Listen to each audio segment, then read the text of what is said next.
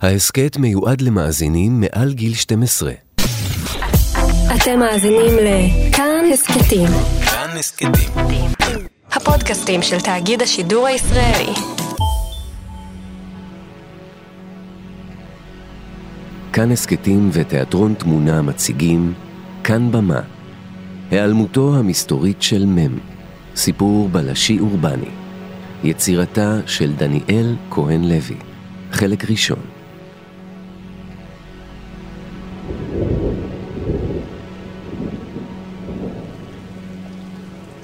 בחוץ יורד גשם. על דלת זכוכית המשרד שלי רשומים ראשי תיבות באנגלית. D, C, L. אני יושבת עם הגב אל הדלת, מביטה אל הרחוב. זה לילה שקט. השעה מאוחרת, אין אור. מזווית העין, מעבר לדלת שלי, אני רואה לפתע צללית של גבר במעיל גשם. הוא נכנס. שערו הרטוב פרוע. כפות ידיו נעות בחוסר מנוחה.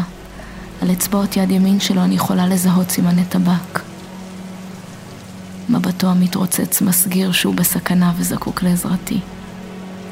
צווארון הגולף שמבצבץ מבעד למעיל שלו, מעיד שיש לו טעם טוב. בכל זאת, הוא הגיע אליי. אני מוזגת לשנינו מהוויסקי, זה הרי ידוע שכל סיפור טוב זקוק לדחיפה קלה. לפתע פנסי רכב מאירים את החדר, אני מביטה לרגע מבעד לחלון. הגבר נעלם. הוא השאיר על השולחן שלי קופסת גפורים עם כתובת. מקבע את הסיגריה במאפרה מלאה ויוצאת אל הלילה. ריח שריפה נישא באוויר. הקירות מפויחים. שבעה שמונה שולחנות פזורים בחדר, כוסות קריסטל מנופצות על הרצפה. על קוליו, ליד הכניסה, מזהה מעיל פרווה שרוף שמישהו לא הספיק לקחת. אחד הקירות ריק. נראה שהיה שם ציור. זאת המסעדה שחיפשתי. הגעתי מאוחר מדי. עכשיו כבר אין דרך חזרה.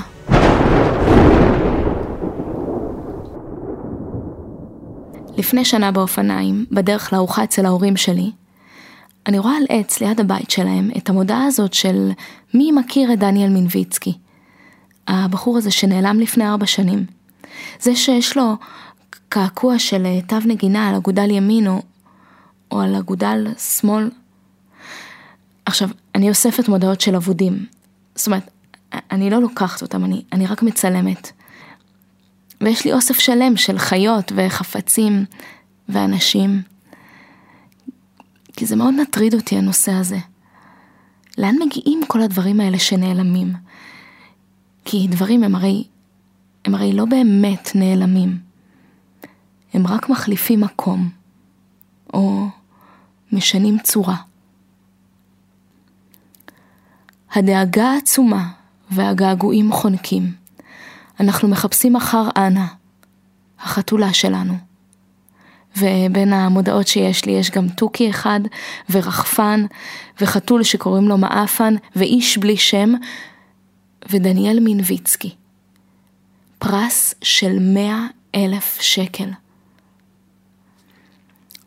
בקפה בסוף הארוחה עם ההורים שלי, אז אבא שלי מספר על תיאוריה במדעי החברה שאומרת שכל אחד מכיר מישהו, שמכיר מישהו, שמכיר מישהו, שמכיר מישהו, שמכיר מישהו, שמכיר את נשיא ארצות הברית. ואז אני אומרת, טוב, טראמפ זה לא חוכמה. מי מכיר את דניאל מינביצקי? שלוש שנים אני רואה אותו תלוי על איזה עץ ואף אחד לא מכיר אותו. ואימא שלי אומרת, אני מכירה שניים. מה, שני אנשים שמכירים את דניאל מינביצקי? לא. שני אנשים שמכירים את טראמפ? לא. שניים שנעלמו. אחד, מצאו אותו משוטט בפרדסים בצפון לפני כמה שנים, נו, את מכירה אותו גם, את זוכרת? אבל את השני לא מצאו. עדיין. אמא שלי אומרת, קראו לו מם, ולפני 30 שנה אז הוא רצה לקנות ממני ציורים, אז הוא לקח אותם בהשאלה למסעדה שלו. הוא היה גבר כל כך נאה, תמיד הוא היה הולך עם גולפים. בקיצור, יום אחד הוא מחזיר לי את הציורים, ולמחרת המסעדה נשרפת והוא נעלם. 30 שנה, אמא שלי מסתובבת עם הסיפור הזה. בגלל שזה פשוט הדהים אותה. זה פשוט הדהים אותי, המחשבה שלו על זה, כאילו תשומת הלב שהוא נתן לפרט הזה. זה שהוא מחזיר לה את הציורים. בן אדם מרגיש מאוים על החיים שלו ומרגיש גם אחריות כזאת. כלפי אומנות. ר- רגע לפני שרפת המסעדה הוא מחזיר לה את הציורים, זה- וזה זה משהו לא שהיא לא יכולה לשכוח. והסיפור הזה, אני חושבת, מה, זה משהו ששווה ללכת בעקבותיו, לא? מישהו שעוצר את הכל וחושב על האומנות ומחזיר את הציורים. אז ככה יוצא שלפני שנה, בסוף הארוחה עם ההורים שלי, אני מתרברבת שאני יכולה לפתור כל תעלומה. ואימא שלי אומרת, יופי, אז לכי תמצאי את מם. אוקיי. תשמעו, כל מה שאני הולכת לספר הוא סיפור אמיתי. השמות בדויים, אבל כל מה שאני מספרת קרה באמת. חוץ מרגע אחד שבו אני מספרת אה, שנסעתי לראשון לפנות ערב בשקיעה, אבל אה, האמת היא שזה היה בבוקר, אבל בשביל הסיפור זה יותר מתאים שזה קרה בשקיעה. אבל חוץ מזה, הכל אמיתי. לגמרי. ולכן, אתם תצטרכו לחתום על הסכם סודיות כדי לשמור על הפרטיות של המעורבים בפרשה. כל מי שלא יכול מסיבות אישיות זה בסדר גמור, אפשר פשוט להפסיק להאזין. אבל כל מי שנשאר בעצם מתחייב. אנחנו נערוך חוזה בעל פה שיחייב אתכם מבחינה חוקית. אני, החתום מטה, מתחייב לשמור על המידע הסודי בסודיות מלאה, לא להעבירו לאיש, לחסום גישה אל המסמכים שיוצגו, לאבטח אותו כראוי ולמנוע את הפצתו. ההתחייבות נוגעת גם לגבי בני משפחותיכם. כל הפרה של ההסכם תגרור אחריה את העונשים הקבועים בחוק. אנא הניחו בבקשה את כף יד שמאל על הלב, ותרימו את כף יד ימין, ותתחייבו. תודה. ועכשיו, תאזינו היטב, כי כל מה שאני עומדת לספר קשור לחקירה. פרק ראשון, מירתה, ילדות והטאבו. דבר ראשון בחקירה שלי אני הולכת לפגוש את מירתה, שם בדוי. חברה של אימא שלי מאיה, לא שם בדוי, כדי לדבר על מם, שם סמוי. מירתה, מאיה, מם, חשוד מאוד. אם להודות על האמת, אז כל ההתחלה של החקירה שלי הייתה די מקרטעת. חוץ מהסיפור הזה על הציורים, אז מירתה ואימא שלי זוכרות רק פרטים ממש אזוטריים על המסעדה. מירתה אומרת, תראי, זאת הייתה מסעדת גורמה אקסקלוסיבית, בישול איטלקי שאני לא ראיתי כמוהו בארץ מאז ועד היום אגב. את יודעת שהוא היה טס לרומא פעם בחודש כדי לקנות תבלינים? ואימא שלי מוסיפה, אני זוכרת שהייתה שם מנה ראשונה טוסט, עליו אבוקדו, עליו סלמון מעושן, ועליו נקודות קוויאר אדמדם. וכמובן מנת הדגל של המטבח הרומאי, ארנבת בשזיפים. ואימא שלי אומרת, אני זוכרת שקראתי כתבה שכתבו בה, שאם אתם רוצים לדעת בשביל מה המציאו את הבדולח, הייתם צריכים לראות את כוסות הקריסטל במסעדה של מם. משמפניה צרפתית שפשוט פושטים בשבילה את הרגל, ועד כוס הקפה הכי טובה בארץ. המסעדה היא הייתה בקומה שנייה, בתוך הדירה של מ', ובעצם לא יכולת לדעת שהיא נמצאת שם אם לא הוזמנת מראש. וסביר להניח שלא הוזמנת מראש. ואז אני מחליטה לשאול את מירתה ככה ישיר, טוב, אז למה בעצם מ' נעלם? ומירתה מחייכת אליי ואומרת, היו שמועות שהוא זה ששרף את המסעדה, כי היו לו חובות פשוט עצומים לשוק האפור, והוא היה זקוק לכספי הביטוח. ואז המשטרה הזמינה אותו לחקירה, ואז החרימו לו את הדרכון, ואז הוא נעלם. היא מספרת שהיה לו בן זוג, והם חיו יחד 14 שנה, ותזכרו את המספר, ואולי היא תוכל להשיג לי את אה, מספר הטלפון שלו. טוב, אני חושבת, נו, זאת גם התחלה. ובסוף הפגישה, לפני שאני הולכת, מירתה עוצרת אותי ליד הכניסה, בדלת, ונותנת לי קופסת גפרורים של המסעדה, עם הכתובת, אבל בלי מספר הבית. אני עמומה. המסעדה הייתה בדיוק ברחוב המקביל לרחוב בו גדלתי. מאז שאני קטנה אני חלמתי להיות בלשית.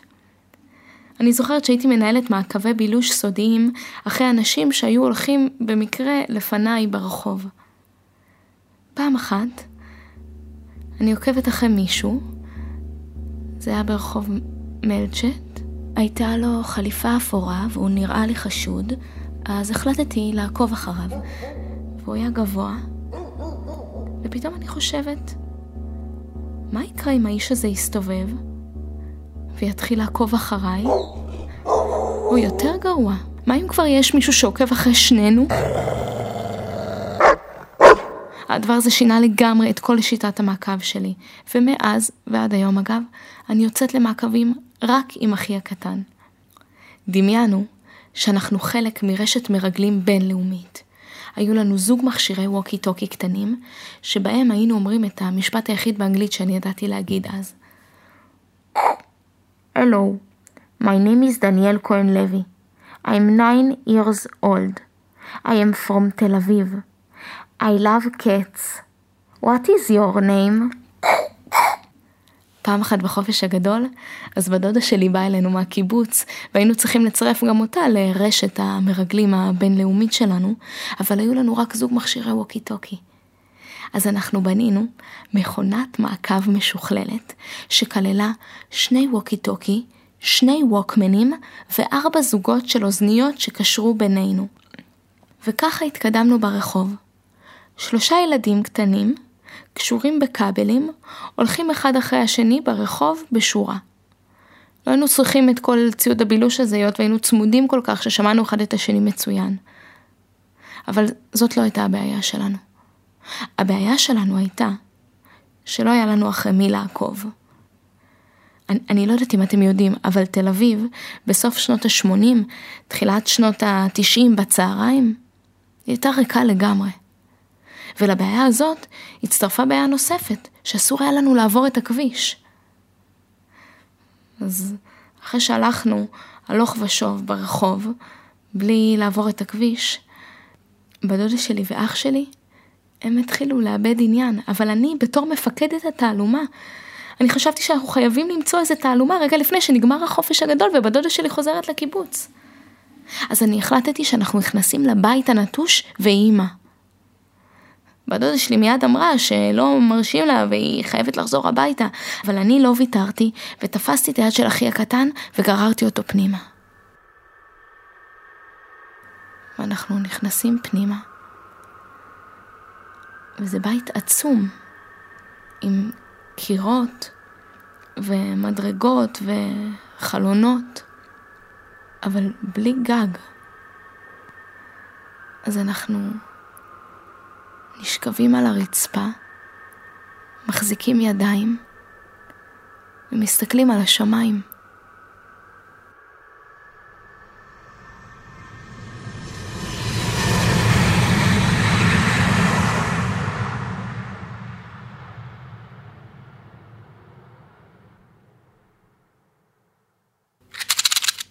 אני חוזרת לקופסת הגפרורים שמירתה נתנה לי, ואני יודעת בדיוק מה לעשות.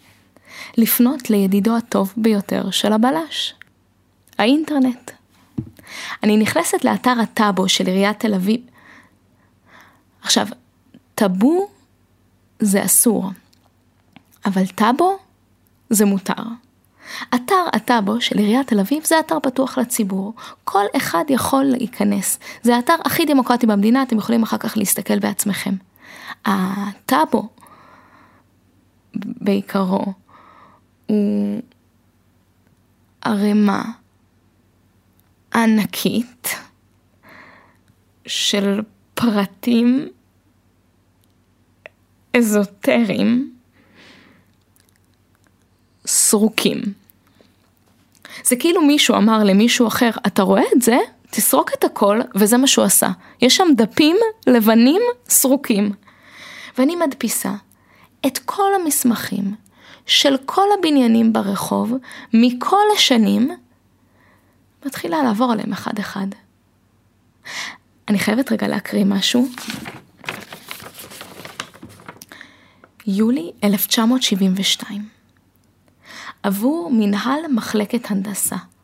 הבניין המוזכר בנידון חוסם את זרמי האוויר המערביים שבעבר אווררו את דירתנו.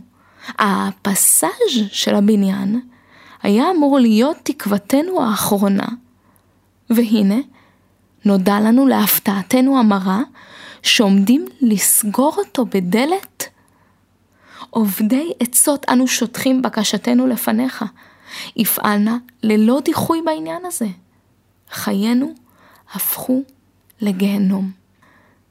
ועוד אחד ממרץ אותה שנה, 1972. אף על פי שכל בעלי הדירות לא שמו לב, אני שמתי לב היטב שהוצב צינור סולר בחצר הבניין שלנו. לכן אני מבקשת לעשות למען הדין והצדק כדי לא לגרום לנו צרות מיותרות, מאחר ודי לנו כבר בצרות בעניינים אחרים. ואני עוברת על הכל. הכל.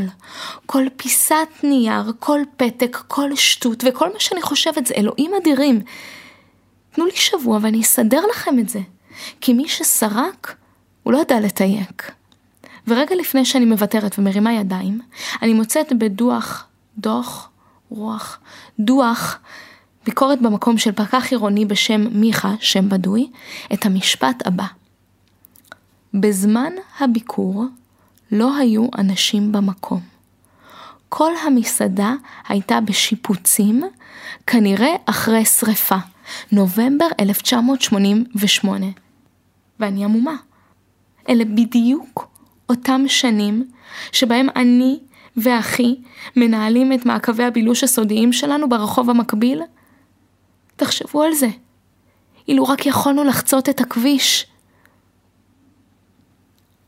אבל, אם להיות כנה, כל זה עדיין לא מקרב אותי בכלל לפענוח התעלומה. איפה מ'? אז אני חוזרת שוב אל הרשימות וההקלטות שלי מהשיחה עם מירתה ואימא שלי. ואז זה היכה בי. מאיזה מטבח מ' שואב את ההשראה שלו למסעדה? לאיפה הוא טס פעם בחודש כדי להביא תבלינים? לאן כל הדרכים מובילות? וברומא התנהגי כרומאית. פרק שני, רומא וטלפונים. לובי של בית מלון מפוקפק. מבעד לדלפק מוגש אליי מפתח לחדר מספר 14. החדר פשוט מאוד. מזרון, שידה, שעון, שעת חצות. אני מסיטה את הווילון לבדוק שאף אחד לא עקב אחריי. מעבר לכביש אפשר לראות מבנה תעשייתי נטוש. יורד גשם. אני מרימה את השפורפרת, אין אף אחד על הקו. אני לא היחידה שמחפשת. הלילה אני לא אשן. אני משתרעת על המיטה עם המעיל, ברקע, קומדיה איטלקית זולה.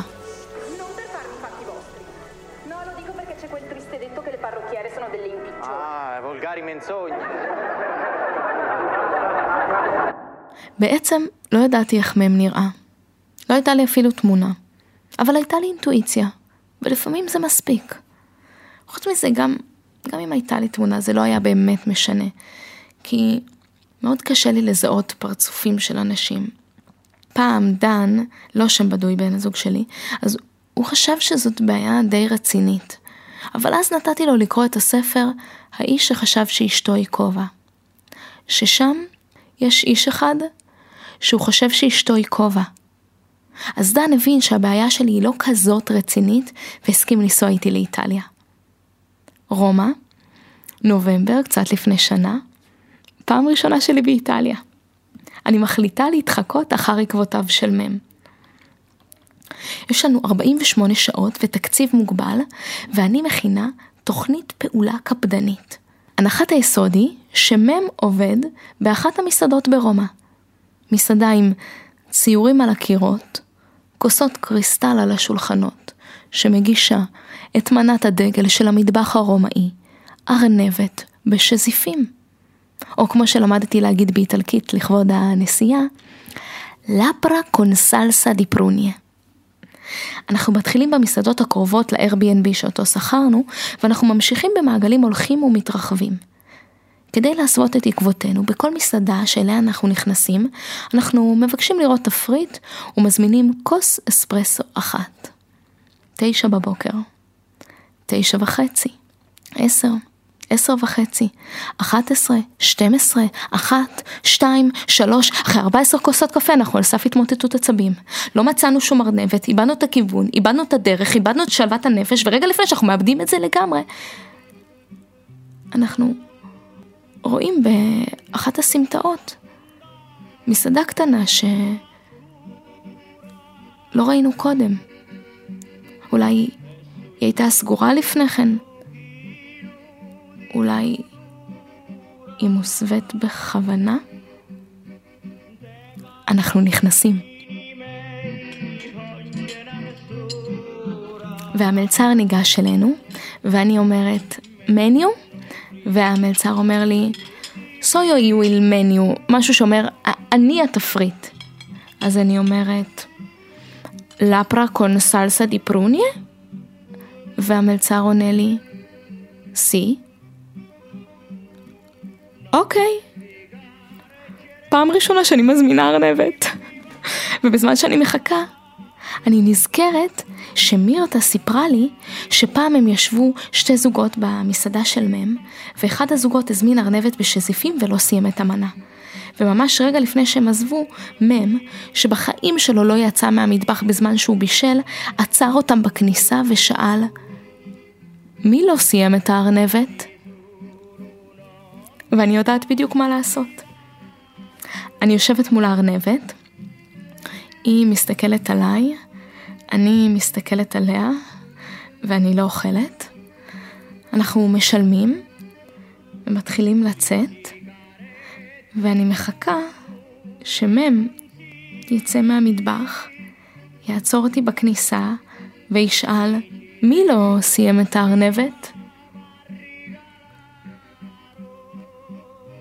אבל אף אחד לא בא. אני חושבת, מם במנוסה. הוא לא יכול לצאת מהמטבח, אני אלך אליו. ואני לוקחת את הארנבת ואני רצה למטבח ואני רואה שעומד שם גבר עם הגב אליי ואני חושבת אלוהים אדירים ואז הוא מסתובב אליי והוא מחזיק רצ'ופו שזה ארטישוק ואני אומרת מם? וזה לא היה מם זה היה מקלה, הטבח, שלא הבין מה אני רוצה ממנו, וצעק עליי באיטלקית לעוף מהמטבח.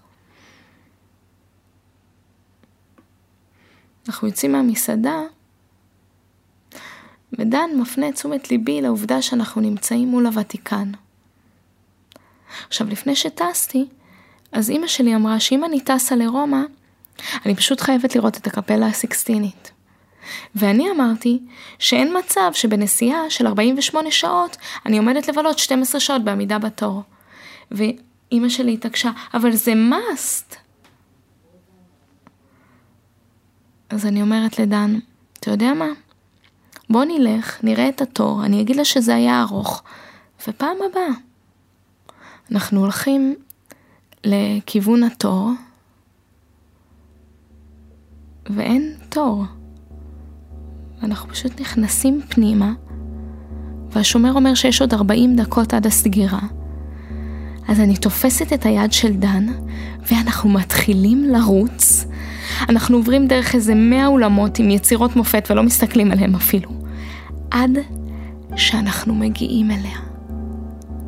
הקפלה הסיקסטינית. והיא ריקה לגמרי. זה רק אני, דן ומם. מיכאל אנג'לו. זה היה קצת אחרי הפיגועים בפריז, ולרגע קצר אף אחד לא האמין באלוהים או באומנות. ואנחנו נשכבים על הרצפה, מחזיקים ידיים, ומביטים על תקרת השמיים של מיכאל אנג'לו. ואני חושבת,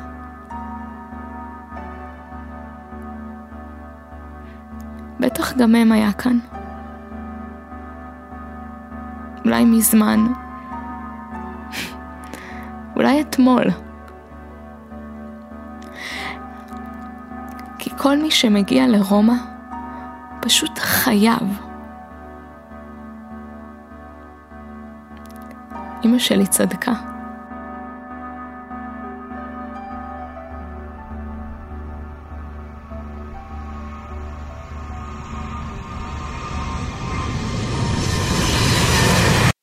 כשחזרתי מרומא, היו לי שתי פריצות דרך. אין, ככה זה חיים של בלשית. או שאין לך כלום ואת נוסעת לאיטליה, או שאת חוזרת ובום, שני מספרי טלפון ואת לא יודעת מה לעשות. את המספר הראשון קיבלתי מאימא שלי. מה לעשות? גם לבלשים יש אמהות. אימא שלי נותנת לי את מספר הטלפון של מוטי, שם בדוי, אחת, שקנה ממם את הדירה. מוטי, שם בדוי, נותן לי את מספר הטלפון של משה, שם בדוי, שתיים, שהכיר את מם בעבר. משה, שם בדוי, לא שומע שום דבר בטלפון, נותן לי כל מיני פרטי אינפורמציה שגויים, ובסוף נותן לי את שם היישוב שבו מם היה גר, מה שלא היה נכון, אבל דווקא עזר לי. אני מתקשרת למזכירות היישוב, בוקר טוב. מיטל, שם בדוי, שלוש, לא מכירה את מם, אבל נותנת לי את הטלפון של משיח, שם בדוי, ארבע, מוותיקי היישוב, שאם מישהו מכיר מישהו, זה הוא. משיח, שם בדוי, לא מכיר את מם, אבל חושב שהוא מכיר מישהו שאולי מכיר אותו, ונותן לי את מספר הטלפון של מתי, שם בדוי, חמש, ואל תגידי לו שאני נתתי לך, אולי הוא לא מעוניין. ומאחל לי בהצלחה. מתי, שם בדוי, מחמיא לי על השם, מנסה להבין מאיפה קיבלתי את המספר ולמכור לי צימר בצפון, ובסוף נותן לי את מספר הטלפון של מרדכי, שם בדוי, שש. ומרדכי זה אח של מם. וזה הדבר שאני הכי גאה בו בחיים האלה. ואז, רגע לפני שאני מתקשרת אליו, בצירוף מקרים יוצא דופן, מירתה מתקשרת אליי, ונותנת לי את מספר הטלפון של מנחם, שם בדוי, מי שהיה בן הזוג לשעבר של מם. עכשיו, יש לי שני מספרי טלפון של אנשים שאני לא מכירה ואני לא יודעת מה לעשות. אני לא יודעת אם סיפרתי לכם כבר קודם, אבל אני ממש שונאת לדבר עם אנשים שאני לא מכירה בטלפון. פעם אפילו אני לא הייתי מוכנה שהשפורפרת היא תיגע לי באוזן אם זה מישהו זר שמדבר איתי, כי זה מרגיש לי כאילו נכנסים לי לתוך הראש. אז עכשיו יש לי שני לידים שאני לא מכירה ואני לא יודעת מה לעשות. במצבים כאלה, אני מתקשרת לדודה שלי שתקרא לי בקלפים. דודה שלי פותחת לי טלפונית בטארות ואומרת, אמ, אחד אה, מהשניים, אה, הוא יעזור לך. וזה לא עוזר לי בכלל. ואני צריכה לבחור בעצמי. אז ראשון, אני מתקשרת בצדק אגב למרדכי שם בדוי, אח של מם. יום חמישי, שש בערב, אני מקליטה את השיחה. הלב שלי דופק כל כך חזק, שאני בטוחה שאפשר לשמוע את זה בהקלטה. זה נשמע בערך ככה. אה, שלום, אה, סליחה, אה, מדברת דניאל, אני פשוט קיבלתי את הטלפון שלך, אני פשוט, אני מתקשרת כי אני מקווה שאני לא מפריעה, פשוט רציתי לדעת, אתה יודע איפה מם? בהתחשב בעובדה שבטלפון אני נשמעת כמו ילדה היסטרית בת 12, אז מרדכי אח של מם ממש נחמד אליי. הוא ממש שמח שהתקשרתי, הוא מזמין אותי לבוא לבקר אותו כבר ביום ראשון, אז ברור... תודה רבה. בבקשה חמודה. להתראות. ביי, ביי. זאת אני. מיד אחר כך אני מתקשרת למנחם, בן הזוג לשעבר של מם, ומנחם הוא פשוט אנטיפט. הוא לא מבין למה אני מתקשרת אליו, באופן כללי הוא לא מבין מי אני, ובאופן ספציפי, מה נדבקתי לנושא הזה של מם. הוא לא ראה את מם 28 שנים מאז שהוא נעלם, הוא לא יודע איפה הוא, הוא לא מבין איך השגתי את המספר, ורגע לפני שהוא מנפנף אותי לכל הרוחות, אני מספרת לו שמצאתי את אח של מם, ושאני נוסעת לפגוש אותו ביום ראשון, ואני יכולה להתקשר אליו אחר כך כדי לספר לו איך היה. מרדכי, אח של מם, גר ביישוב הכי רחוק בצפון. לא, לא הכי רחוק אבסולוטית, אלא הכי רחוק שאני אי פעם הגעתי אליו באוטובוס. טבריה. ובטבריה, בפעם הבאה. היעלמותו המסתורית של מם, סיפור בלשי אורבני, חלק ראשון. כתבה וביצעה דניאל כהן לוי. שותף ליצירה ועיצוב סאונד, שרון גבאי. ליווי אומנותי, נעמי יואלי, ניצן כהן. עורך ומפיק, אייל שינדלר. תודה לכל מי שחלקו את סיפוריהם ושמותיהם נשארו בדויים. כאן במה, הפקה של כאן הסכתים ותיאטרון תמונה.